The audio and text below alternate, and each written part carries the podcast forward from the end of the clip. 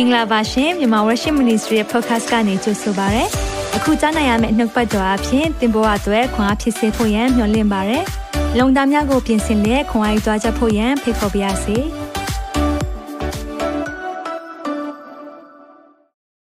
မရနာသာအဓိပ္ပာယ်ကသခင်အမြန်ကြွလာပါသခင်အမြန်ကြွလာပါကျွန်တော်တို့တွေကြုံဆုံနေရတဲ့အခက်ခဲတွေ လောကရန်တွေကြားထဲမှာအသက်ရှင်တဲ့အခါမှာခက်ခဲပါတယ်ဒီလိုအချိန်မှာမရနာသာဆိုတဲ့စကားလုံးကတိတ်ကိုအကျိုးရှိတယ်တိတ်ကိုသင့်လျော်တဲ့စကားလုံးဖြစ်တယ်လို့ကျွန်တော်တို့ဒီလိုခံယူပါတယ်ဒါကြောင့် come lord jesus come quick နော်အမြန်လာပါကိုရောအမြန်လာပါလို့ဒီနေ့ပြောချင်တာဖြစ်တယ်။ဒါကြောင့်ဒီနေ့နှုတ်ပတ်တော်ခံယူဖို့ရောက်နေကြပြီ share ပေးပါအောင်နော်ဂျေစုပြု၍အာတချို့တွေမ share ဘူးနော်မ share ဘူးဘလို့ဘာကြောင့်မ share လဲဆိုတော့ကျွန်တော်စဉ်းစားကြည့်တဲ့အခါမှာတချို့က အမ်ကိုပဲသိကျင်တယ်နော်သူများတဲ့ပိုပြီးတာတယ်ပေါ့အဲ့လိုပုံစံမျိုးနဲ့မ share တဲ့ဖွဲ့ရှိတယ်ကျွန်တော်သိတယ် အဲ့လိုမလုပ်ပါနဲ့။ဘာကြောင့်လဲဆိုတော့ဖခင်ရဲ့နှုတ်ကပတ်တော်အာသူတို့ထက်ကိုကပိုတာတယ်ဆိုတာဖြစ်ချင်တဲ့သဘောနဲ့မ share တာတော့မလုပ်ပါနဲ့နော်။ပြီးရင်အဲ့ဒီအကြောင်းအရာတွေကိုကဟောပြောသက်သေခံသူတို့ကလည်းသိမှာပါနော်။ဘယ်ကနေလာလဲဆိုတော့သိမှာပါ။ဒါကြောင့်မလို့ယေရှုဖြစ်၍ share ပြပါ share ခြင်းကသင်ဘာမှမခက်ပါဘူးเนาะခလုတ်လေးနှိပ်ပြီး share လုပ်တိုက်ပေးမယ်အဲ့ဒီရဲ့အကျိုးဆက်ကအများကြီးကျွန်တော်သက်သေခံချက်တွေပို့လာကြတယ်တယောက်က share လုပ်နားထောင်မိပါတယ်ဆိုတဲ့သက်သေခံချက်အများကြီးရှိတယ်ဒါကြောင့်မလို့အကောင်းဆုံးသောအေ ဝင်ကလေးဝင်ငါနီးထဲမှာတယောက်ယောက်ဝင်ငါထားတဲ့အရာအကျိုးရှိတဲ့အရာကို share ပေးဖို့လည်းလိုပါတယ်လို့နော်ပုံမိုကျေလောင်လာတဲ့မြောက်ပိုင်းစစ်ပွဲခေါ်တန်လို့ခေါင်းစဉ်ပေးထားတယ်ပို့ပြီးတော့ကျေလာပြီမြောက်ပိုင်းစစ်ပွဲလို့ပြောတာ Northern War ကျွန်တော်လေ့လာနေပြီဒါကရေစကြည်လ38 39ထဲမှာပါလာတဲ့အရာ မြောက်ဘက်ကနေ Israel ရဲ့မြောက်ဘက်ကနေဝင်တိုက်မဲ့စစ်ပွဲရှိပါတယ်အဲ့ဒီစစ်ပွဲမပြည့်စုံသေးပါဘူးเนาะအဲ့ဒီရဲ့ prophet future မပြည့်စုံသေးဘူးဒါကိုကျွန်တော်မျှော်လင့်နေတယ်စောင့်နေတယ်ဆိုတော့မြောက်ပိုင်းစစ်ပွဲလို့ပြောရင်တော့ပိုပြီးနားလည်မယ်ထင်ပါတယ်เนาะဆိုတော့မြောက်ပိုင်းစစ်ပွဲပိုပြီးကျယ်လာပြီအဲ့ဒီရဲ့တိုက်ပွဲခေါ်တဲ့နေပိုပြီးကျယ်လာပြီဆိုတော့အစ်အခင်းချင်းလေးတွေနော်သူတို့တော့မသိဘူးသူတို့တော့ပါဝင်တဲ့နိုင်ငံတွေကတော့သူတို့သူတို့ကတော့ သူတို့လှုပ်ဆောင်ခြင်းနဲ့သူတို့ရက်တီချက်တွေကိုပြတာပေါ့နော်ဒါပေမဲ့သူတို့မသိလိုက်တဲ့အချိန်မှာတော့ဒီအရာတွေကတမန်ကျမ်းစာပြည့်စုံခြင်းတွေဖြစ်နေတယ်ဒါကြောင့်မလို့အားလုံးပဲဒီနေ့ခွန်အားယူရအောင်နှုတ်ဘတ်တော်ခဏလောက်စကန်နိုင်ရအောင်အသက်ရှင်သောသာရမြတ်စွာသောဘုရားသခင်ကိုရောရဲ့တမန်ကျမ်းစာဟာ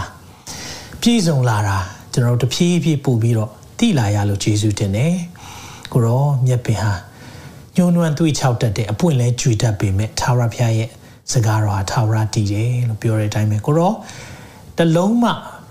မပြောင်းလဲပဲနဲ့ပြည့်စုံမဲ့အရာတွေအတွက်ကျွန်တော်ယုံကြည်တယ်ဒီတမန်ကျမ်းစာမှာပြောထားတဲ့အရာတွေမျက်ဝါးထင်ထင်ဖြစ်လာနေလို့လေကိုရောကိုပုံမှုပြီးယုံကြည်တယ်ဒါကြောင့်ဒီရဲ့နှုတ်ကပတ်တော်အရှင်ကိုကြိုဆိုတဲ့နေရာပေးတယ်ဖိတ်ခေါ်တယ်ဝိညာဉ်တော်အားဖြင့်ကျွန်တော်တို့ကိုတာ၍နားလေစေပါဒီအရာကိုကြားတဲ့အခါမှာနှလုံးသားများတာ၍ပြင်ဆင်ဖို့အကြောင်း ဖြစ်ပါစေသခင်ယေရှုရဲ့ကြွလာမယ့်နေ့ရက်ကိုပို့ပြီးတော့မျှော်လင့်တော်သူများဖြစ်ပါစေသခင်ယေရှုရဲ့မြတ်သောနာမ၌စက္ကန့်နဲ့ဆုတောင်းကြပါ၏အာမင်အာမင်အာမင်အာမင်ရှဲခြင်းဟာတဲ့ရေလောင်းခြင်းပါတဲ့စိုက်ပျိုးသူနဲ့ရေလောင်းသူအတူတကွလှုပ်ဆောင်ခြင်းပါတဲ့မှန်ပါတယ်နော်ရေလောင်းဖို့လိုတယ်စိုက်ပျိုးတဲ့သူရှိတယ်ရေလောင်းပေးတဲ့လူရှိတယ်အာမင်ဟုတ်ပြီကျွန်တော်တို့အာဒီနေ့မှာတော့ နောက်ဆုံးသောကာလသမားကျမ်းစာပြည့်စုံခြင်းများ prophecy update နဲ့အမြဲတမ်းကျွန်တော်လတိုင်းမှာတော့တစ်လတစ်ခါစူးစမ်းပြီးတော့ဒီຢာလေးတွေကို update လုပ်ပေးနေပါတယ်အရင်လကပြီးခဲ့တဲ့ဒီ April လတုန်းကမလုပ်ဖြစ်ဘူးဆိုတော့ခုဒီဟာကတော့ May လ update ဖြစ်ပါတယ်အကယ်၍ဒီတက်ထူးခြားမှုရှိတယ်ဆိုရင်လည်းဒီလအတွင်းမှာထပ်ပြီးတော့ပြောပြသွားပါမယ်လို့နော်ဆိုတော့ prophecy update တွေကျွန်တော်ပြောလာတယ်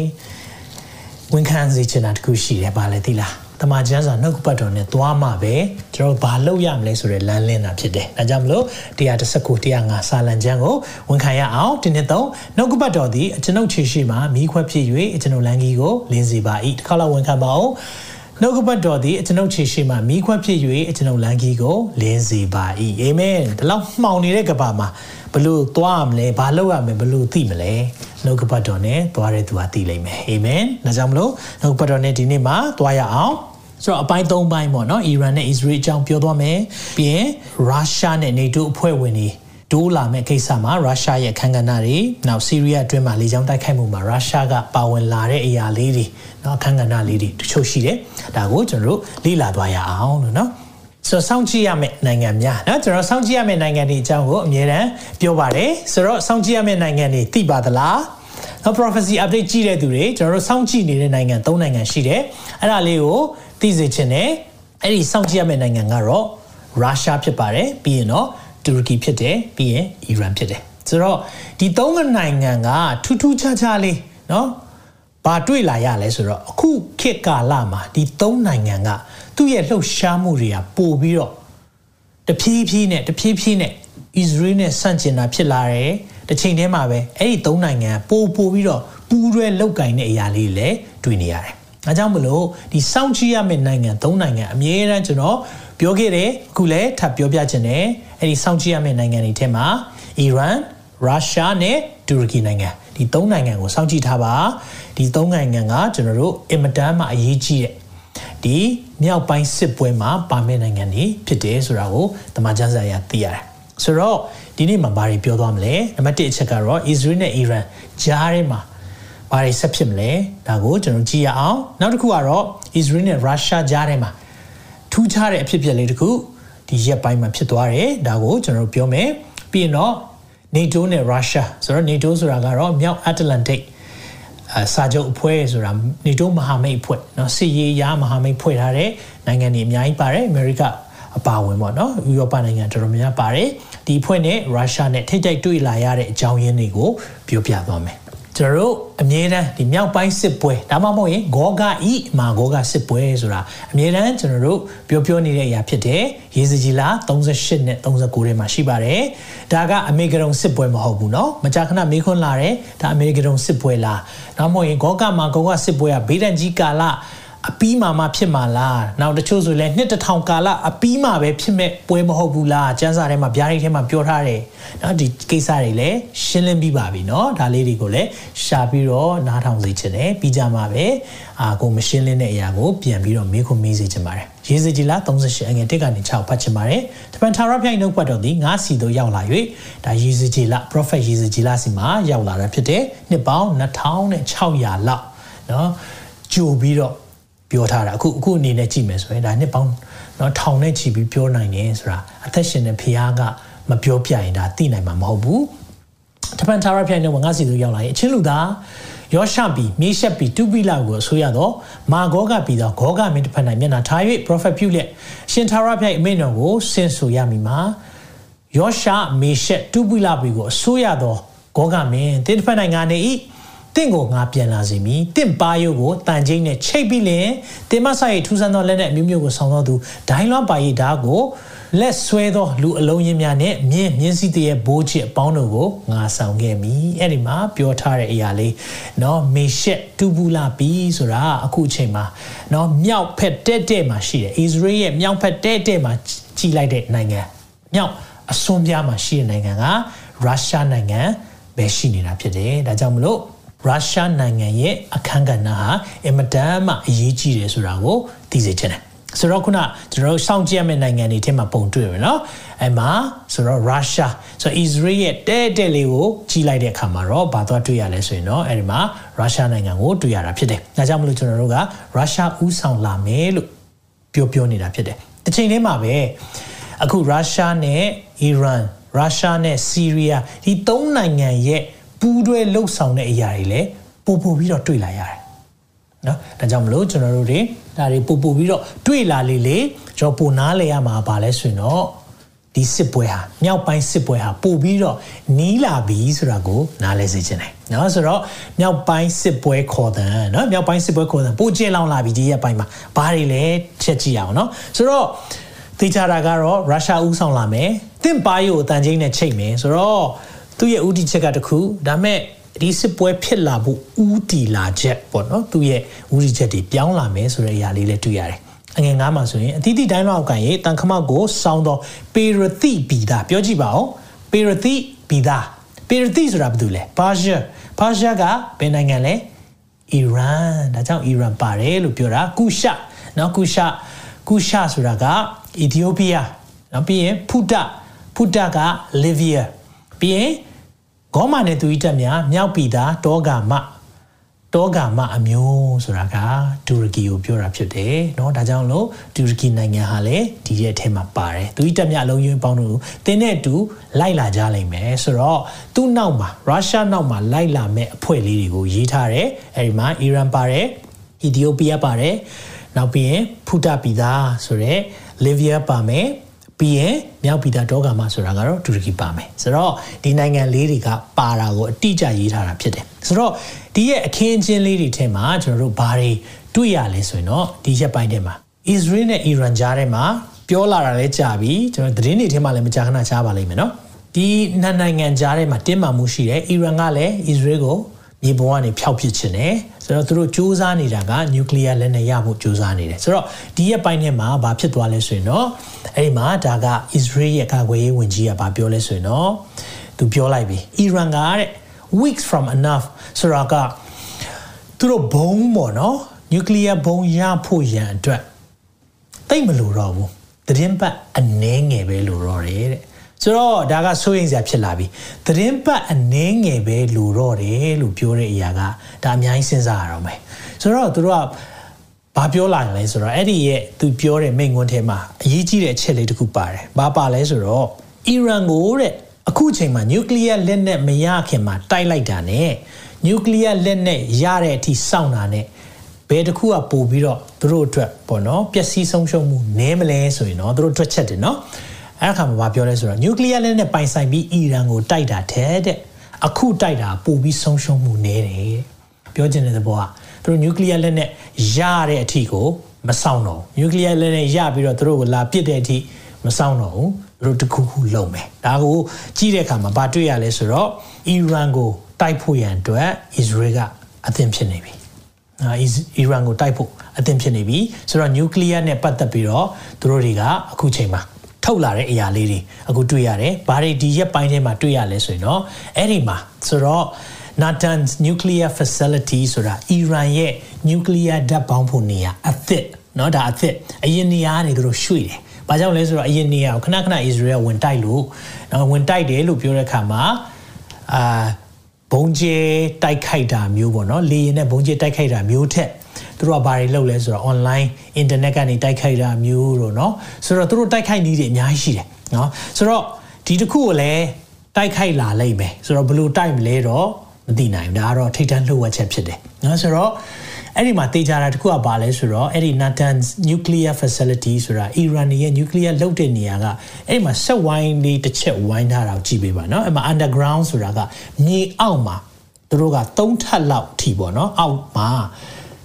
အခုဓာတ်ပေါင်းဖို့အသစ်နဲ့ယူရေနီယံတန့်စင်ခြင်းတွေလုပ်နေတယ်တဲ့ဆိုတော့ယူရေနီယံဓာတ်သတ္တုကိုတန့်စင်ဖို့လိုတယ်ဆိုတော့ဘုံ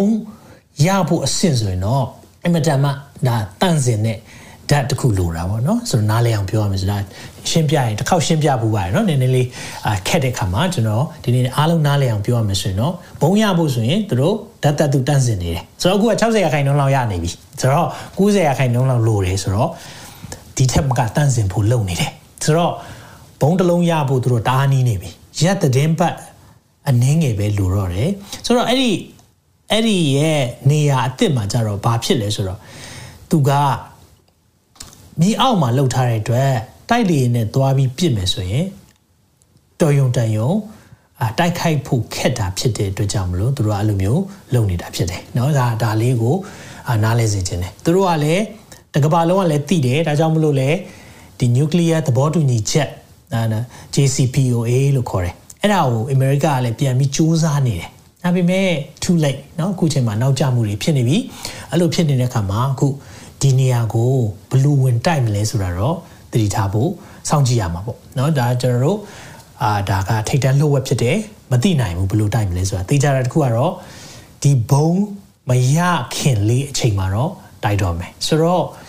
သတင်းပတ်နေငယ်ပဲလိုတော့တယ်ဆိုတော့ဒါကအင်မတန်မှနီးလာတဲ့အရာလေးတစ်ခုဖြစ်တယ်ဒါလေးကတစ်ချက်ဖြစ်တယ်နောက်တစ်ချက်တစ်ချက်ပါလဲဆိုတော့ဒါ IAEA ဆိုတာအနုမြူ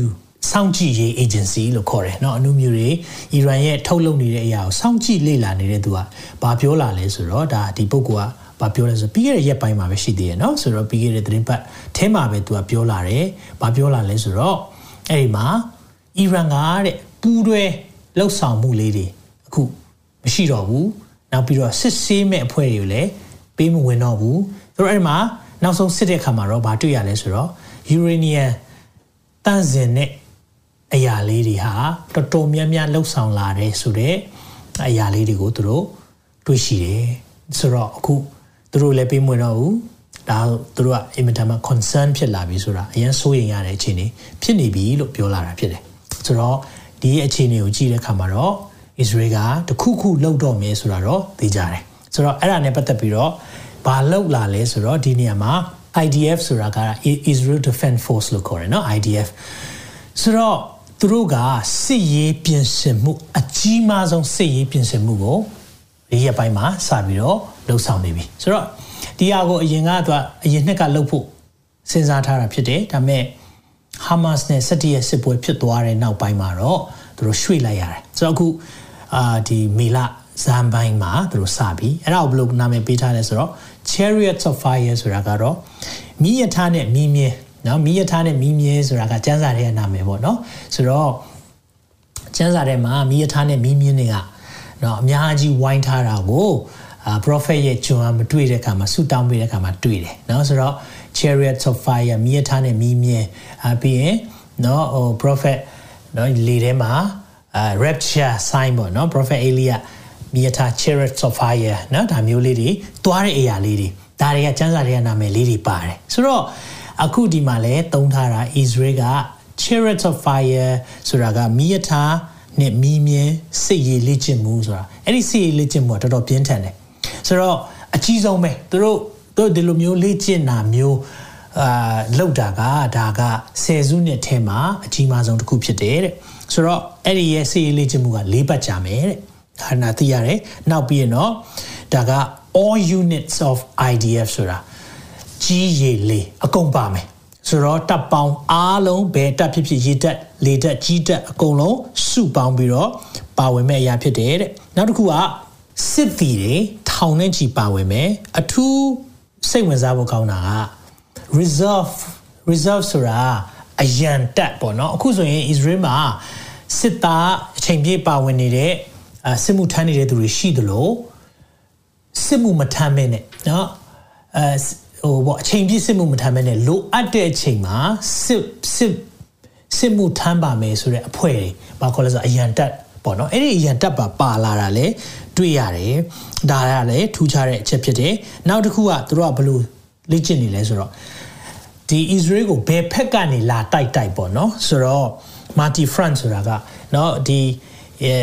ဒီဖက် Hamas ပေါ့အောက်ပိုင်းပေါ့ Israel နိုင်ငံအောက်ပိုင်းကနေလာတိုက်မလားဘေးကလာတိုက်မလားအပေါ်ကမြောက်ပိုင်းကလာတိုက်မလားတောင်ပိုင်းကလာတိုက်မလားဘယ်ဖက်ကလာတိုက်လိုက်တိုက်တိုက်နိုင်မဲ့ကာဟိုကာကွယ်မှုလုပ်ငန်းလေးတွေသူတို့စပြီးတော့လေ့ကျင့်နေတာတွေ့ရသလို နောက်ပြီးတော့လေကြောင်းတိုက်ခိုက်မှုတွေရေကြောင်းကလာမယ်ဆိုရင်လည်းသူတို့ကာကွယ်နိုင်တယ်နောက်ပြီးရင် cyber ဆိုတာကတော့ဒီ internet ကနေတိုက်ခိုက်မှုတွေနဲ့စလုပ်လာမယ်ဆိုရင်လည်းဘယ်လိုမျိုးကာကွယ်မလဲဒါတွေအားလုံးကိုစုပေါင်းလေ့ကျင့်တဲ့ဥစ္စာဖြစ်တယ်ဆိုတော့လေးပတ်ကြမယ်တဲ့เนาะဒါတွေသူတို့လေ့ကျင့်နေတယ်ဆိုတော့ဒီထဲမှာတခုထူးခြားတာတခုရှိသေးတယ်အဲ့ဒါဘာလဲဆိုတော့ပြည်သူတွေပါပါတဲ့အဲလေ့ကျင့်ခန်းလေးတွေရှိတယ်ဆိုတော့ဟိုမှာမြို့ဘုံကျဲတယ်ဆိုရင်မြို့ဘုံကျဲတဲ့ siren ဆိုတာကတော့ဟိုအုပ်အောဆွဲတံပေါ့နော်ဟာလေလေတက်ကနေလာတော့မယ်ဆိုတော့အဲ့ဒီအုပ်အောဆွဲတံဒီဘာတွေအကအစပေါ့နော်ပြည်သူတွေကိုဒါတွေကိုပါဝင်ဖို့ပြည်သူတွေလည်းဒီစစ်ပွဲဖြစ်လာတဲ့ခါမှာဘလို့မျိုးတုံ့ပြန်မလဲဆိုတာသိဖို့ရန်အတွက်ဒါတွေပါအာအခုချိန်မှာလှုပ်လာတာကိုတွေ့ရတယ်ဆိုတော့ဒီရဲ့နာမည်လေးကိုသဘောကျရနော်မီးယထာနဲ့မီးမြဲဆိုတာနော်ဆိုတော့အရှင်လက်လက် နော် prophet Elia ကအရှင်လက်လက်တက်တဲ့ချိန်မှာဒါလေးတွေသုံးတာတွေ့ရသလိုဒါကြောင့်မလို့ဒီလိုမျိုး chariot of fire တို့ဒီလိုမျိုးတွေ့လာတဲ့ခါမှာတော့ချီဆောင်ခြင်းများနီးလာပြီလားနီးလာတာကတော့သိကြတယ်เนาะဒါကြောင့်မလို့ဒါတွေက sign တွေပြနေတယ်ဆိုတာတွေ့ရတယ်ဆိုတော့ဒီအဖြစ်အပျက်လေးတွေအခု Israel ကပြင်ဆင်နေပြီပြောချင်တာကတော့ Iran ကိုပဲဖြစ်ဖြစ်အာရန်ပေါ့เนาะတခုခုဖြစ်လာခဲ့ရင် ဘယ်ဖက်ကနေလာလာသူတို့တိုက်နိုင်ဖို့ရန်အတွက်အခုချိန်မှာပြင်ဆင်နေပြီဆိုတာကိုအဲ့ဒါလေးကိုနံပါတ်1သိစေချင်တယ်နံပါတ်2အချက်ဒီရဲ့ကာလထဲမှာနော်အရေးကြီးတဲ့အရာလေးတခုဖြစ်သွားတယ်အဲ့ဒါကတော့ Israel နဲ့ Russia ကြားထဲမှာ အဲကျွန်တော်မကြာခဏလေ့လာခဲ့တာမှတ်မိလားမသိဘူးเนาะအရင်အရင်တစ်ခေါက်တော့ဆိုပြောပြတယ်ရုရှားကဆီးရီးယားမှာเนาะသူရဲ့တပ်တချို့ထားထားတယ်ဆိုတော့တချို့ကတော့ယူကရိန်းမှာတွားပြီးကူညီတဲ့အခါမှာတော့တချို့ပြန်သွားပြီဒါပေမဲ့ရှိနေသေးတယ် နော်ရုရှားလုံးဝဆီးရီးယားဆုံးခွာသွားတာမဟုတ်ရှိနေသေးတယ်ဆိုတော့အဲ့ဒီမှာတော့ IS တွေကိုတိုက်ခိုက်ဖို့ဆိုပြီးတော့ရှိတာပေါ့ဒါပေမဲ့တကယ်တော့အဲ့ဒါထက်ပိုပါတယ်တမန်ချန်စာကြီးကကျွန်တော်သိရပြီဒါအစ္စရေးကိုတိုက်ဖို့ရန်အတွက်သူတို့ကရောက်မှန်းမသိရောက်နေတာနော်မြောက်ပိုင်းဘက်မှာအဲ့လိုရောက်နေတဲ့အချိန်မှာဘာဖြစ်လဲဆိုတော့ဆီးရီးယားထဲမှာအများကြီးစစ်ရေးဒီ target လို့ပြောတဲ့ဒီစစ်တပ်ပေါ့နော်စစ်လှုပ်ရှားမှုတွေတွေအများကြီးရှိတယ် ဘာတွေကလှုပ်ရှားနေလဲဆိုတော့အီရန်ကသူ့နိုင်ငံကနေလက်နက်တွေကိုဒီ Hezbollah Hezbollah ကဒီ Syria ကနေ Lebanon အဲ့ဖက်ကိုသွားမယ်ဆိုရင်ပြောမယ်ဆိုရင်တော့ Israel ရဲ့မြောက်ပိုင်းပေါ့နော်မြောက်ပိုင်းနေရာမှာ Hezbollah တွေကတတ်ချထားတော့ဆိုအီရန်ကသူ့သူ့နိုင်ငံကနေလှမ်းတိုက်မယ်ဆိုရင်ဒါအခက်အခဲအများကြီးရှိတဲ့ခါမှာ Israel ကိုမြောက်ပိုင်းကနေသူတို့တိုက်လို့ရအောင်သူ့ရဲ့လက်ပါစီ Hezbollah တွေကိုလက်နက်တပ်ဆင်ပေးတယ်ဆိုတော့ ပြောမယ်ဆိုရင် Syria ဘာကြောင့်အီရန်ကအထူးပဲအဲခြေချပြီးတော့ခြေကုပ်နေလဲဆိုရင်သူတို့လက်နက်တွေကိုပို့တဲ့အခါမှာအမြဲတမ်းဒီနေရာက transit လို့ခေါ်တာပေါ့နော်လက်နက်သေးဆောင်တဲ့လမ်းကြောင်းဖြစ်နေဆိုတော့ Israel ကအမြဲတမ်းပဲဒီအရာကိုဝင်ဝင်ပြီးတော့လေကြောင်းပစ်တာရှိတယ်။နောက်ပြီးတော့မြေပြင်ကနေပစ်တာရှိတယ်။ခဏခဏတိုက်ခိုက်တယ်။ဒါပေမဲ့ အဲ့လိုတိုက်ခိုက်တိုင်းသူကရုရှားနဲ့သဘောတူညီချက်လေးတော့ယူထားရတယ်။ဘာကြောင့်ဆိုရုရှားကလည်းအဲ့နေမြေထဲမှာဆီးရီးယားထဲမှာလှုပ်ရှားနေတယ်။ဆိုတော့ရုရှားကိုလည်းတွားပြီးတော့ don't poke the bear နော်ဝက်ဝင်လဲသွားပြီးတော့ဟိုသွားထိုးလို့မရအောင်လေနော်ဝက်ဝင်စိတ်ဆိုးရင်လည်းဒါပြဿနာရှိတယ်အန္တရာယ်ရှိတယ်ဆိုတော့ရုရှားကိုဝက်ဝင်နဲ့နှိုင်းတယ်နော်ဆိုတော့ဝက်ဝင်သွားပြီးတော့ထိုးလို့မဖြစ်တော့သူတို့ကအမြဲတမ်းရုရှားကအာ တတိပေးလာတယ်ဆိုရင်နည်းနည်းငြိမ်လိုက်တယ်သူတို့ဒီလိုလေးပေါ့နော်နားလည်မှုယူပြီးတော့လှုပ်ရှားနေကြတယ်အဲ့ဒီမှာပြီးခဲ့တဲ့ရက်ပိုင်းလေးမှာဖြစ်သွားတာတခုရှိတယ်အဲ့ဒါဘာလဲဆိုတော့ရုရှားနိုင်ငံခြားရေးဝန်ကြီးကသူပြောတဲ့စကားလေးတစ်ခွန်းကအင်မတန်မှအာဒီထိုးနှက်ချက် Israel ကိုထိုးနှက်တဲ့စကားတခုပြောသွားတယ်အဲ့ဒါဘာပြောလိုက်လဲဆိုတော့ Hitler ပါလေတဲ့နော်ဒါကတော့သူအီတလီသတင်းမီဒီယာတခုနဲ့အင်တာဗျူးလုပ်နေရင်းနဲ့ပေါ့နော်အဲ့ဒီသတင်းထောက်ကလည်းမေးတာပေါ့ ဆိုတော့ယူကရိန်းသမ္မတဇလန်စကီကဂျူးပဲစသဖြင့်ပြောတဲ့ခါမှာအဲဘလို့ဘာဖြစ်လို့နာဇီတွေအဲယူကရိန်းမှာတတ်ဆွဲနေလေနာဇီတွေကိုမင်းတို့နော်တော်လန်မဲ့နာဇီတွေကိုဖယ်ဖို့လုပ်တာလေတကယ်တော့ယူကရိန်းသမ္မတကိုယ်တိုင်ကဂျူးမဟုတ်ဘူးလားအဲ့လိုမျိုးပြောလိုက်တဲ့အခါမှာ तू ကဖြေလိုက်တဲ့စကားလေးတစ်ခုပေါ့နော်။ तू ဘာဖြေလိုက်လဲဆိုတော့ Hitler also had Jew origin ဆိုတာ Hitler လည်းဂျူးဂျူးကဆင်းသက်တဲ့သူပဲ အဲသူအဲ့လိုမျိုးပြောလိုက်တာပေါ့ဆိုတော့နောက်တစ်ခါလေမှာတဲ့ဂျူးတွေကိုယ်တိုင်ကဂျူးမုံတီးရေးလုပ်တဲ့သူတွေဖြစ်နေတယ်လို့သူပြောလိုက်တဲ့စကားတခုကအင်မတန်မှနိုင်ငံရေးမှာပေါ့နော်ဒါထိုးနှက်ချက်ဖြစ်တယ်ဆိုတော့တကယ်တော့ဂျူး6တန်းကိုတတ်တဲ့လူကဟစ်လာတယ်နော်ဆိုတော့ဒီလိုမျိုးနှိုင်းခံရတဲ့အခါမှာအင်မတန်မှအစ္စရေးတွေကအင်မတန်မှစိတ်ဆိုးသွားတယ်ဆိုတော့အဲ့ဒီမှာ သမ္မတရုရှားသမ္မတပူတင်ကိုယ်တိုင်ကတောင်းပန်နေဆိုတဲ့သတင်းတွေလည်းကြားတာဒါပေမဲ့ရုရှားကတော့ဒါမဟုတ်ဘူးပါညာပေါ့နော်ညင်းတာလည်းရှိတယ်ဆိုတော့အဲ့ဒီမှာနိုင်ငံခြားရေးဝန်ကြီးကပြောလိုက်တဲ့စကားတစ်ခုကလည်းအင်မတန်မှအစ္စရေးနဲ့ကြားထဲမှာဒါအဖုထစ်ဖြစ်စေတာပေါ့နော်ဆိုတော့အခုဒီဟာလေးဘယ်အချိန်မှဒီရဲ့ဆက်ဆံရေးပြတ်သွားမလဲကျွန်တော်စောင့်ကြည့်တာနော်တေးကြတာတခုကပြတ်မှာပဲ။ နော်ဆိုတော့ရုရှားဝင်တိုက်တယ်ဆိုကြတဲ့ကပြက်သွားလို့တိုက်တာပေါ့ဒါပေမဲ့အခုချိန်မှာအဲ့ဒီရဲ့ဆက်ဆံရေးလေးတွေကတန်တမန်ရေးအရနည်းနည်းထိတ်တိုက်လေးတွေတွေ့တဲ့အရာလေးတွေကျွန်တော်တွေ့နေရပြီဆိုတော့အဲ့ဒါလေးကိုကျွန်တော်တွေ့တဲ့အခါမှာတော့မဆက်လုပ်ကြမလဲနော်ဘာတွေဖြစ်လာမလဲကြည့်တဲ့အခါမှာအဲ့ဒီမှာဆိုတော့ဆီးရီးယားထဲမှာရုရှားတပ်တွေရှိနေစေဖြစ်တယ်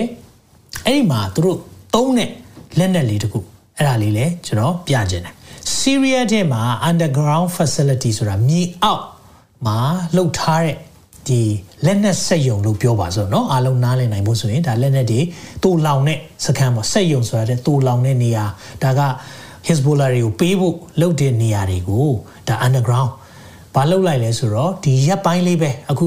နော်ဒါ73ရက်နေ့မေဆိုတာတိတ်မကြသေးပါဘူးเนาะအခုပြီးဒီရက်ပိုင်းပဲဘာလုပ်လိုက်လဲဆိုတော့အဲ့ဒီနေရာကို Israel ကဝင်တိုက်ပလိုက်တယ်เนาะဒါကိုအာ Israel ကဘုံကျဲလိုက်တယ် စီးရီးယားတွေကမခုခံဘူးလားခုခံတာပေါ့ဒါပေမဲ့သူတို့မှာအဲ့လောက်အဆင့်မြင့်တဲ့လက်နက်မရှိဘူးဆိုတော့အာ Israeli ရင်းတွေကိုပြစ်ချနိုင်တဲ့အရာသူတို့မှာမရှိဘူးဒါပေမဲ့ရုရှားမှာရှိတယ်အဲ့ဒါလေးစိတ်ဝင်စားဖို့ကောင်းတာတခုလေးပြောပြမယ်နော်ဆိုတော့ဒီရဲ့အမြေအောက်ဒီလက်နဲ့ဆက်ယုံနေဒါတွေနေရာတွေကိုဝင်မတိုက်လို့မရဘူး။ဘာကြောင့်လဲဆိုတော့အီရန်ရဲ့လက်ပါစီတွေပို့ပို့ပြီးအားကောင်းလာလေလေအစ္စရေးကစိုးရိမ်မှုအခြေအနေပို့ပို့ရောက်လာတယ်။ဆိုတော့အဲ့လိုမျိုးဝင်တိုက်နေတဲ့ အရာတော်မှာ Hezbollah ရဲ့လက်ထဲမှာတဲ့ဒုံးကျည်ပေါင်းသသိန်းခွဲလောက်ရှိတယ်တဲ့သသိန်းခွဲနော်ဒုံးကျည်သသိန်းခွဲပြီးခဲ့တဲ့ရက်ပိုင်းပြီးခဲ့တဲ့နောက်ဆုံး Hamas နဲ့စစ်ဖြစ်တာဆိုရင်ဒုံးကျည်ပေါင်း4000ကျော်ပဲပစ်သေးတာ17ရက်နော်4000 4000ကျော်ပစ်တာတော့မှတော်တော်လေး Israel ကအာအများကြီးဒီဟာကိုသူတို့ဒုက္ခရောက်တယ်နော်ဒုက္ခရောက်တယ်ဆိုတာပြည်သူတွေရောစသဖြင့်ပေါ့နော်အများကြီးထိတ်လန့်စရာဖြစ်တယ်ဆိုတော့စဉ်းစားကြည့်နော် အဒုံးကြီးပေါင်းသသိန်းခွဲလောက်ရှိတယ်ဆိုသူတို့သာစပြီးပြစ်မယ်ဆိုရင်အင်မတန်မှဒါအောက်ကလည်းဟာမတ်စ်ကပြစ်မယ်အပေါ်ပိုင်းနောက်မြောက်ပိုင်းကလည်းဟစ်ဇ်ဘူလာပြစ်မယ်ဆိုရင်အစ္စရေးအတွက်အင်မတန်မှအခက်ကြုံမဲ့အရာတွေဖြစ်တော့ဆီးရီးယားထဲမှာအဲ့လန်ခုလက်ကိုသူတို့ကလက်နဲ့သေဆောင်တဲ့နေရာတွေကိုအင်မတန်မှ target ထားပြီးပြစ်တယ်ဆိုတော့ဖြစ်နိုင်ခြေရှိတာကတော့တဲ့အဲ့ဒါသတင်းတွေထဲမှာတွေ့ရတာပါလဲဆိုတော့ဒီရဲ့ဆီးရီးယားထဲကနေမြေတွေကိုထဲကဒီစစ် အာဒီမြေအောက်လက်နက်တူလောင်တဲ့နေရာတွေကိုယာနဲ့ချီပြီးတော့အစ္စရေးကဝင်တိုက်ပြီးပြီเนาะဒါတွေဖျက်ဆီးပြီးပြီဆိုတော့ဒါသတင်းတွေထဲမှာတော့အာမကြာခဏမတွေ့ရအောင်။ဘာကြောင့်လဲဆိုတော့ဒါခဏခဏလည်းဖြစ်နေတာပါတယ်။ဒီချိန်ထဲမှာပဲဆီးရီးယားသတင်းမီဒီယာကတော့ခဏခဏရေးတာပေါ့နော်။အဲအစ္စရေးကတော့ဘယ်တော့မှဒါကိုဝင်မခံအောင်။ဆိုတော့ညင်းလည်းမညင်းဘူးဝင်လည်းမခံအောင်။ဆိုတော့အဲ့ဒီအခြေအနေလေးဖြစ်နေတယ်။ ဆိုတော့ဒီမှာထူးခြားချက်ကဘာလဲဆိုတော့အဲ့ဒီရဲ့နောက်ဆုံးသွားပြီးတိုက်ခိုက်လိုက်တဲ့ဒီလက်နဲ့တူလောင်ရေးမှာပြန်ပြီးတော့ခုခံတဲ့အထဲမှာထူးခြားတာတခုရှိရနော်အဲ့ဒါဘာလဲဆိုတော့တဲ့ရုရှားကရုရှားကပဲရုရှားရဲ့လက်နက်ဖြစ်တဲ့ဒီ S300 missile ဆိုတာဒါလေယာဉ်ပစ်ဒုံးကျည်နော်လေယာဉ်ပစ်ဒုံးကျည်ဒါဒီရဲ့လေယာဉ်ပစ်ဒုံးကျည်ကဆီးရီးယားမှာရောက်နေပြီတုံးစပြီးတော့ ရှိနေပြီကြာပြီဒါပေမဲ့အောက်ဖို့ကောင်းတာကရုရှားကရုရှားပဲဒီကိစ္စကိုခွင့်ပြုချက်ရမှပဲရုရှားဒီပဲသုံးလို့ရှိတယ်နော်ဒါရုရှားကပဲသူ့လက်နက်ကိုသူသုံးတာပေါ့ဒါပေမဲ့အဲ့ဒီနောက်ဆုံးသုံးသွားပြီးတော့ Israel jet လေယာဉ်တွေသွားပြီးတော့ဒီပြစ်မှတ်တွေကိုသွားပစ်တဲ့ချိန်တော့ဟာတဲ့ရုရှားကဒီလက်နက်နဲ့ပြန်ပစ်တယ်တဲ့နော်ဒါလေးကအင်မတန်မှထူခြားတဲ့ချက်ပဲဒီသတင်းသာ ပို့ပြီးတော့မှန်တယ်ပို့ပြီးကျေပြန့်လာတယ်ဆိုရင်ဒါ channel 13ဆိုတာ Israel ရဲ့သတင်းဌာန channel 13ကဒါတင်ပြပြီးသွားပြီเนาะဆိုတော့အဲ့ဒီရဲ့ပတ်သက်ပြီးတော့အထောက်ထားတွေလည်းအများကြီးရှိတယ်ဆိုတော့ရုရှားက Israel ကိုထိတ်တိုက်တွေ့လာပြီဆိုတဲ့အချက်လေးပဲဖြစ်တယ်เนาะဒါလည်းစိတ်ဝင်စားဖို့ကောင်းတာကဘာလဲဆိုတော့ပြီးခဲ့တဲ့ရက်ပိုင်းမှာပဲ Israel ရဲ့ကာကွယ်ရေးဝန်ကြီးကပြောတယ်ဒါယူကရိန်းစစ်ပွဲနဲ့ပတ်သက်ပြီးမင်းဘယ်ဘက်ကပါလဲပေါ့နော်ဒီလိုမျိုးသတင်းထောက်တွေကမေးတာပါဆိုတော့ဒါကတော့တဲ့သူ morally ဆိုဇာရိတအရာရော အာဒီဒီလိုပေါ့နော်ဟိုသူ့အမြင်ကတော့ရာယူကရိန်းကိုတော့ကာကွယ်ရမယ့်လက်နက်တွေကိုတော့ rush အစ္စရေးကဆက်လက်ပြီးထောက်ပံ့သွားတာကိုသူထောက်ခံတယ်ဆိုတော့ဒါမျိုးလေးတွေဆိုတော့ကြားလာတဲ့ခါမှာပူတင်အနေနဲ့ဒီຢာလေးတွေကိုစိတ်ဆိုးလာတဲ့သဘောလည်းအများကြီးတွေ့ရတယ်เนาะဆိုတော့ Israel နဲ့သူတို့ထိတ်တိုက်တွေ့လာပြီเนาะဒါလေးကိုကျွန်တော်တို့စောင့်နေတာတော်တော်ကြာပြီဒါပေမဲ့အခုရက်ပိုင်းလေးမှာဖြစ်သွားတာကဖြစ်တဲ့အတွက်ကြောင့်မလို့ရုရှားနဲ့ အစ္စရေးရဲ့ဆက်ဆံရေးပိုပြီးတင်းမာလာတော့မလား။နော်အကယ်၍သာဆီးရီးယားထဲမှာကြိုက်တယ်လို့ဝင်ထွက်သွားလာခွင့်မရတော့ဘူးဆိုရင်အစ္စရေးအတွက်အင်မတန်မှအန္တရာယ်ရှိလာပြီ။နော်ဒါကြောင့်မလို့မြောက်ပိုင်းစစ်ပွဲခေါ်တဲ့ပိုပြီးကျေလာပြီ။မြောက်ပိုင်းစစ်ပွဲခေါ်တဲ့ပိုပြီးကျေလာပြီ။နော်ဒါကြောင့်မလို့ဒီຢာလေးကိုမှတ်ထားပါနော်။ဒါကြောင့်မလို့ကြိုပြောထားပါတယ်။ဒါတွေဖြစ်တော့မယ်။ ဖြစ်လာတော့မယ့်အရေးအယောင်တွေအများကြီးပြနေပြီဒါလေးကိုကျွန်တော်တွေ့ရတယ်ဒါလေးနောက်ဆုံးချက်လေးပေါ့နော်ဒါလေးပြောပြီးကျွန်တော်ဆုံးသက်ချင်တယ်ဆိုတော့ NATO ဆိုတာကတော့မြောက်အတ္တလန်တိတ်စာချုပ်အဖွဲ့ဆိုတာအနောက်အုပ်စုရဲ့စစ်ရေးမဟာမိတ်အဖွဲ့အဲ့ဒီအဖွဲ့တွေကိုဘယ်နိုင်ငံတွေကအသစ်ဝင်ချင်လဲဆိုတော့အဲ့ဒီမှာဆွီဒင်နဲ့ဖင်လန်နိုင်ငံကလည်းဝင်သူတို့လည်းဝင်ချင်ပြီတဲ့เนาะဆိုတော့ NATO ထဲမှာသူတို့အရင်မပါခဲ့ဘူးမပါခဲ့ဘူးဘာကြောင့်မပါခဲ့လဲဆိုတော့သူတို့စိုးရိမ်စရာမလိုဘူးလို့ထင်တယ် ဒါပေမဲ့အခုချိန်မှာရုရှားရဲ့ခြေလမ်းတွေကယူကရိန်းကိုလည်းသူတို့ရုပ်ချက်ကြီးเนาะဒီလိုမျိုးအကြောင်းပြချက်ခိုင်ခိုင်လုံလုံမရှိဘဲနဲ့ဝင်တိုက်တာတွေဖြစ်လာတဲ့နောက်ပိုင်းမှာကျွန်တော်ဘာနားလဲရမလဲဆိုတော့အခုဆွီဒင်နဲ့ဖင်လန်စိုးရိမ်တာလည်းအကြောင်းရှိပါတယ်ကျွန်တော်မြေပုံလေးချက်ပြမယ်เนาะအဲ့မှာကြည့်လိုက်ပါရုရှားနဲ့ဖင်လန်ကနယ်နိမိတ်ထိစပ်နေတယ်เนาะနောက်ပြီးရင်ဆွီဒင်ကလည်းကပ်ရက်လေးပဲဖင်လန်နဲ့ထိစပ်နေတယ်ဆိုတော့ အဲ့မှာရုရှားနဲ့တအားနီးနေပြီ တအားနီးနေပြီဖြစ်တဲ့အတွက်ကြောင့်မလို့ဒီနှစ်နိုင်ငံကအင်မတန်မှစိုးရိမ်နေပါတယ်စိုးရိမ်နေတော့သူတို့အဲ့မှာ Sweden and uh, formally submit ဆိုတာတရဝင်ကမ်းလှမ်းလိုက်ပြီတဲ့နေတိုးထဲမှာဝင်ပါဝင်သူတို့တွေရုရှားပူတင်ရဲ့ရန်ကိုကြောက်တဲ့အတွက်ကြောင့်မလို့အခုချိန်မှာသူတို့ဝင်လာပြီးဝင်ဖို့ရန်အတွက်ကမ်းလှမ်းနေဆိုတဲ့အရာလေးတွေကျွန်တော်တို့ဒီရက်ပိုင်းထဲမှာတွေ့ရတယ်အဲ့ဒါကိုရုရှားဘယ်လိုခံယူမယ်ထင်လဲ စိတ်ဆိုးတာပေါ့ तू မဖြစ်ချင်ဆုံးကနော်နေတိုးအဖွဲ့တွေပို့ပြီးအားကောင်းလာမယ်သူ့ကိုလာပြီးတော့ထိတ်တိုက်ရင်ဆိုင်မှာ तू ကအင်မတန်မှမဖြစ်စေချင်တဲ့အချက်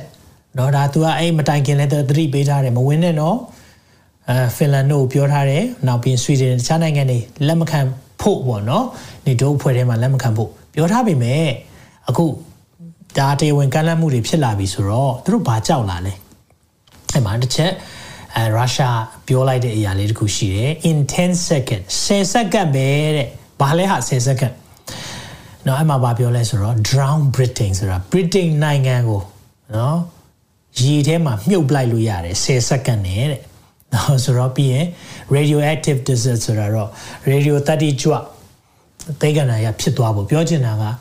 တို့ nuclear လက်နက်နဲ့ပစ်ထည့်လိုက်ရင်10စက္ကန့်အတွင်းပျောက်သွားမယ်လို့ပြောလိုက်တာဒါသူတို့ရဲ့ เนาะဟိုစပြီးတော့အခုချိန်မှာရုရှားက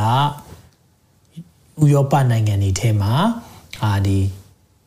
ဒီကိစ္စနဲ့ပတ်သက်ပြီးတော့เนาะသူတို့ကိုပေါ်ပေါ်တင်တင်ဆန့်ကျင်တဲ့နိုင်ငံကြီးတွေကိုစပြီးတော့ရာဇသံတွေပေးလာတယ်နောက်ပြီးရင်ဒါ threat ဆိုတာတော့အာဒါသတိပေးလာတယ်เนาะချင်းချောက်မှုပေါ့ချင်းချောက်မှုပြောပါစို့เนาะချင်းချောက်မှုတွေလုပ်လာတယ်10စက္ကန့်ပဲတဲ့ 10စက္ကန့်အတွင်းဒါတွေအကုန်လုံးရှင်းပလိုက်လို့ရတယ်တဲ့เนาะဆိုတော့ဒါလေးတွေအခုချိန်မှာပြောလာပြီဒါကြောင့်မလို့သူကဘာပြောလဲဆိုတော့ Russia ဘာကြောင့်အဲ့လိုပြောလဲဆိုတော့အားလုံးကတဲ့ Russia has accused the West ဆိုတာ Russia အနောက်နိုင်ငံကိုဘာဆွဆွဲလဲဆိုတော့ total hybrid war ဆိုတာကတော့နော်ဟိုသူတို့လာတိုက်တယ်ပေါ့မင်းတို့ကပေါင်းပြီးတော့ hybrid လုပ်တယ်ဆိုတာရောပြီးတော့လာတိုက်တဲ့အရာတွေသူတို့ကိုလောက်တာဖြစ်တဲ့အတွက်ကြောင့်မလို့တဲ့ UK နဲ့ Finland လိုနိုင်ငံတွေကို10စက္ကန့်အတွင်းပဲ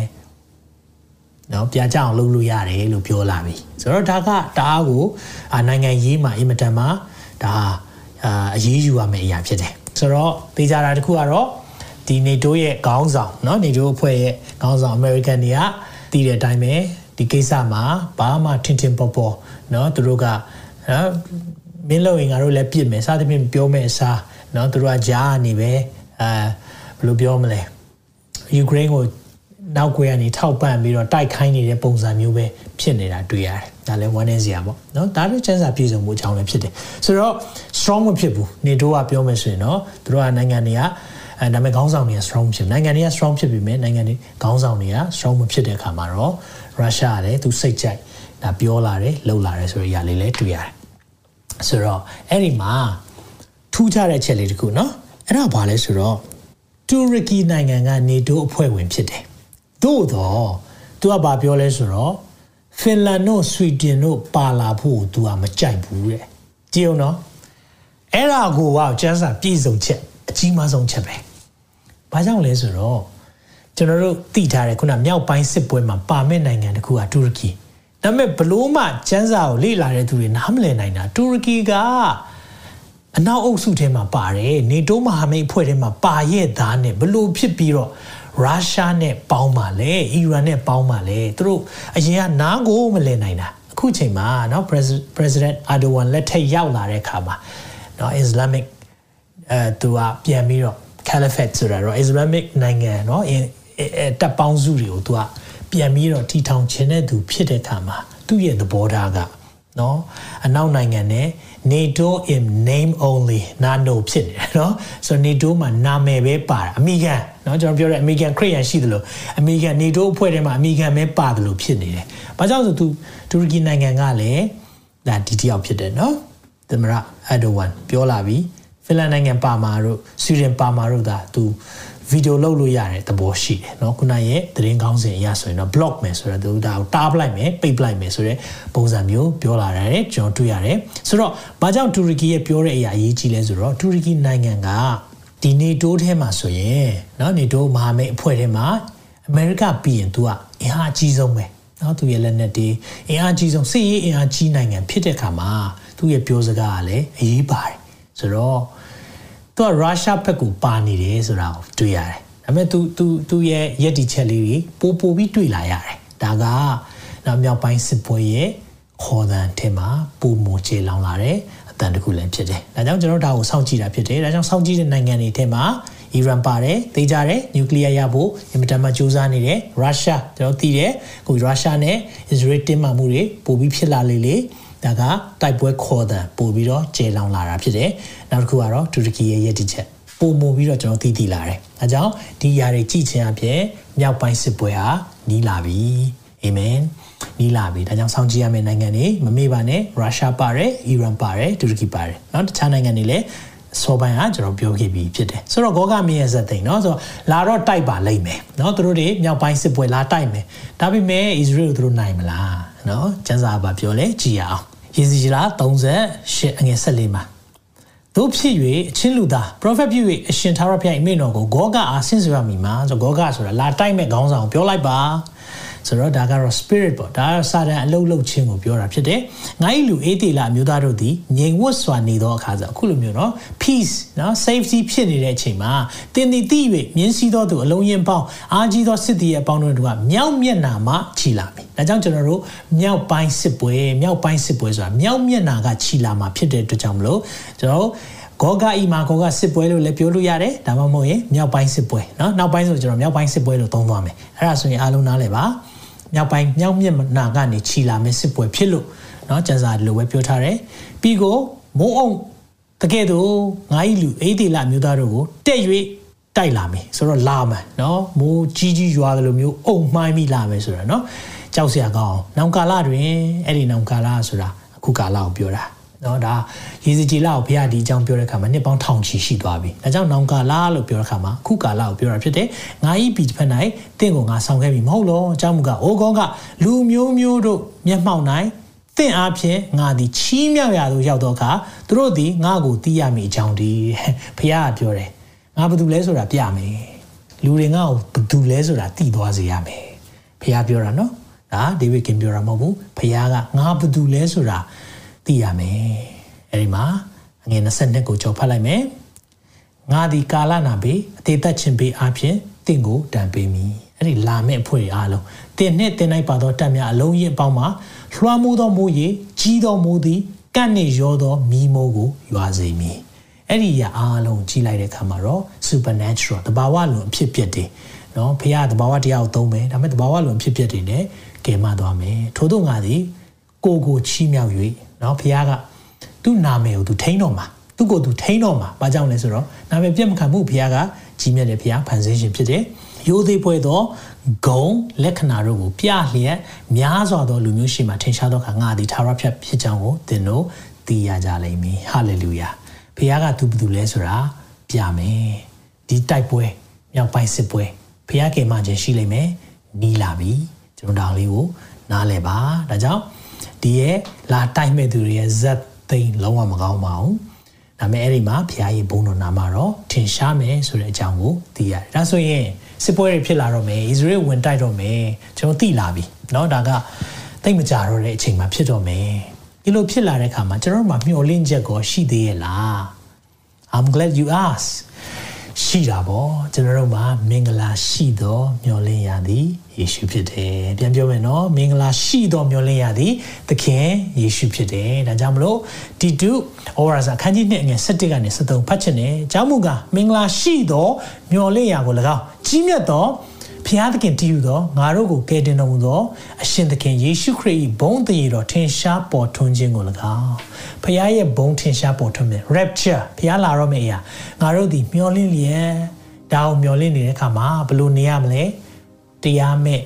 ဖျားမဲ့တရားမဲ့နေခြင်းလောကီတတ်မှတ်ခြင်းကိုဖယ်ရှားလျက်ယခုဘဝ၌အိမ်ရီဆောင်ခြင်းတရားသဖြင့်ကျင့်ခြင်းဖျားဝင်၌မှုလို့ခြင်းတို့ကိုပြုရမည်အကြောင်းတွေ့လားသခင်ပြန်လာတော့မယ်ဒါကြောင့်ဘယ်လိုနေရမလဲ ကျွန်တော်တို့နေရမယ့်အရာကိုလည်းတမန်ကျန်စာသတိပေးတယ်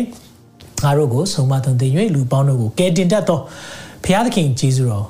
ဒီထင်ရှားပေါ်ထွန်းလျက်ရှိ၏တမန်ကျန်စာအဖြစ်ကျွန်တော်တို့အများကြီးသွန်သင်ထားတယ်ဒါကြောင့်မိတ်ဆွေကိုမင်းကိုမေးခြင်းတယ်သခင်ပြန်လာတော့မယ်သင် ready ဖြစ်ပြီလားတဲ့အမိကန်ခရိယန်ပဲလားဒါဆိုရင်တော့စိတ်မကောင်းသင်ကြံခဲ့လိမ့်မယ်ဒီနေ့သခင်ရဲ့ပြန်လာခြင်းအင်မတန်မှနီးနေပြီကျွန်တော်တို့သတိပေးလာတာအင်မတန်မှ အခုဆိုရင်ပို့ပို့ပြီးတော့နှုတ်ဘတ်တော့ပြည့်စုံခြင်းတွေကိုတွေ့လာရပြီ။သင်မျက်ဝါးထင်ထင်ပဲတည်င်းကောင်းစဉ်တွေမှာတမန်ကျမ်းစာပြည့်စုံခြင်းတွေကိုသင်တွေ့နေပြီ။သင်နောင်တရပါတက်တော့နေခြင်းတိုင်းနေဖို့မဟုတ်ဘူး။ဖျားမဲ့တရားမဲ့နေဖို့မဟုတ်ဘဲနဲ့ဒီနေ့ဖျားရှိတယ်။ဖန်ဆင်းရှင်ရှိတယ်။နောင်တရလျက်သခင်ယေရှုကိုအားကိုးပါ။အာမင်။သခင်ယေရှုအားဖြင့်ကျွန်တော်တို့ဟာဘာရှိလဲဆိုတော့မင်္ဂလာရှိတဲ့မျှော်လင့်ရာ we have a blessed hope ရှိတယ်။ Amen. Our blessed hope is Jesus Christ အကြောင်းမလို့မိတ်ဆွေတို့ဒီနေ့ဆုတောင်းပေးခြင်းတယ်ဒီရဲ့သက်တာမှာဒီအကြောင်းအရာတွေကြားတဲ့အခါမှာဒါနိုင်ငံကြီးပြောတာမဟုတ်ဘူးနိုင်ငံတော်အရေးကိုပြောနေတာခရစ်တော်ရဲ့နိုင်ငံတော်တည်ထောင်တော့မယ်လာတော့မယ်ဒီအရာတွေဖြစ်ရမယ်လို့တမန်ကျမ်းစာပြောထားတဲ့အတိုင်းပဲဖြစ်နေပြီအကြောင်းမလို့မိတ်ဆွေတို့ဒီနေ့မှာလဲပြန်လဲပြီးတော့တတိပေးခြင်းနဲ့ခွန်အားပေးခြင်းနဲ့ပြင်ဆင်ရအောင် သက်ရှင်သောဖခင်နာမတော်ကိုချီးမွမ်းပါတယ်ဒီနှုတ်ပတ်တော်အတွက်ကိုရောအထူးကျေးဇူးတင်ပါတယ်ကျွန်တော်ရဲ့သက်တာမှာကိုရောရဲ့နှုတ်ပတ်တော်ပြည့်စုံလာတဲ့အရာများကိုပုပ္ပနမိတ်ဒီအားဖြင့်တော်၎င်းတည်င်းရဲ့ခေါင်းစဉ်တွေအားဖြင့်တော်၎င်းတွေ့နေရလို့ကျေးဇူးတင်တယ်ကိုရောဒီနေ့တမန်ကျမ်းစာအားဖြင့်ကျွန်တော်တို့ကိုနားလည်စေတဲ့အရာအားလုံးသင်ကြားပေးတဲ့သူတွေကျွန်တော်တို့ကိုလမ်းပြပေးတဲ့သူဖြစ်တဲ့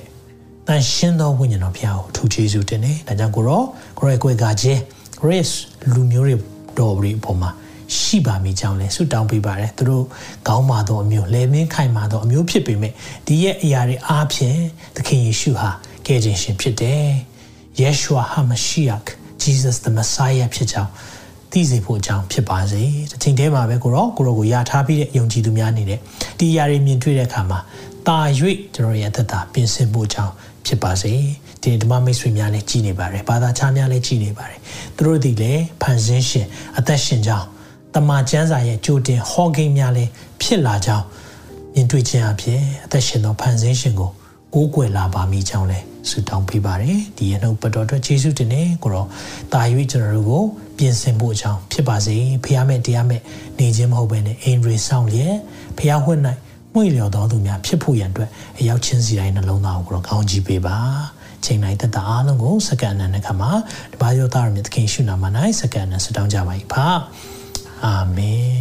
အာမင်အာမင်ဒီရာကတော့ဒါမေလာအတွက် prophecy update ဖြစ်တယ်ထူးခြားချက်များရှိတယ်ဆိုရင်လည်းပြန်လည်ပြီးတော့ update လုပ်သွားပေးမယ်အာမင်ကောင်းချီးပေးခြင်းနဲ့ကျွန်တော် အဆုံးသတ်ချင်ပါတယ်ထာဝရဘုရားသည်သင်ကိုကောင်းချီးပေး၍ဆောင်မတော်မူပါစေသောထာဝရဘုရားသည်သင်၌မျက်နာတော်အလင်းကိုလွှတ်၍ဂိယူနာဂျေဇုပြုတော်မူပါစေသောထာဝရဘုရားသည်သင်ကိုမျှော်ကြည့်၍ချမ်းသာပေးတော်မူပါစေသောအာမင်လူတွေရဲ့ကြံစည်မမိနိုင်တဲ့ဘုရားငြိမ်သက်ခြင်းများဝမ်းမြောက်ခြင်းများနဲ့ကျမ်းမာခြင်းများသင်တဲ့တင့်မိသားစုပေါ်မှာတက်ရောက်ပါစေသခင်ရှုနာမ၌ကောင်းချီးပေးဆုတောင်းပါတယ် တင်ခုလိုနာဆင်ခွန်အားနိုင်ခြင်းဟာမြန်မာ Worship Ministry ကိုလာဆင်ပန်ပိုးနေကြတဲ့ Kingdom Partners များအကြောင်းဖြစ်ပါတယ်။ဘုရားခင်နိုင်ငံတော်ကျယ်ပြန့်ရေးအတွက်လာဆင်ပေးကမ်းပောင်းဖို့ရန်ဖိတ်ခေါ်လိုပါတယ်ရှင်။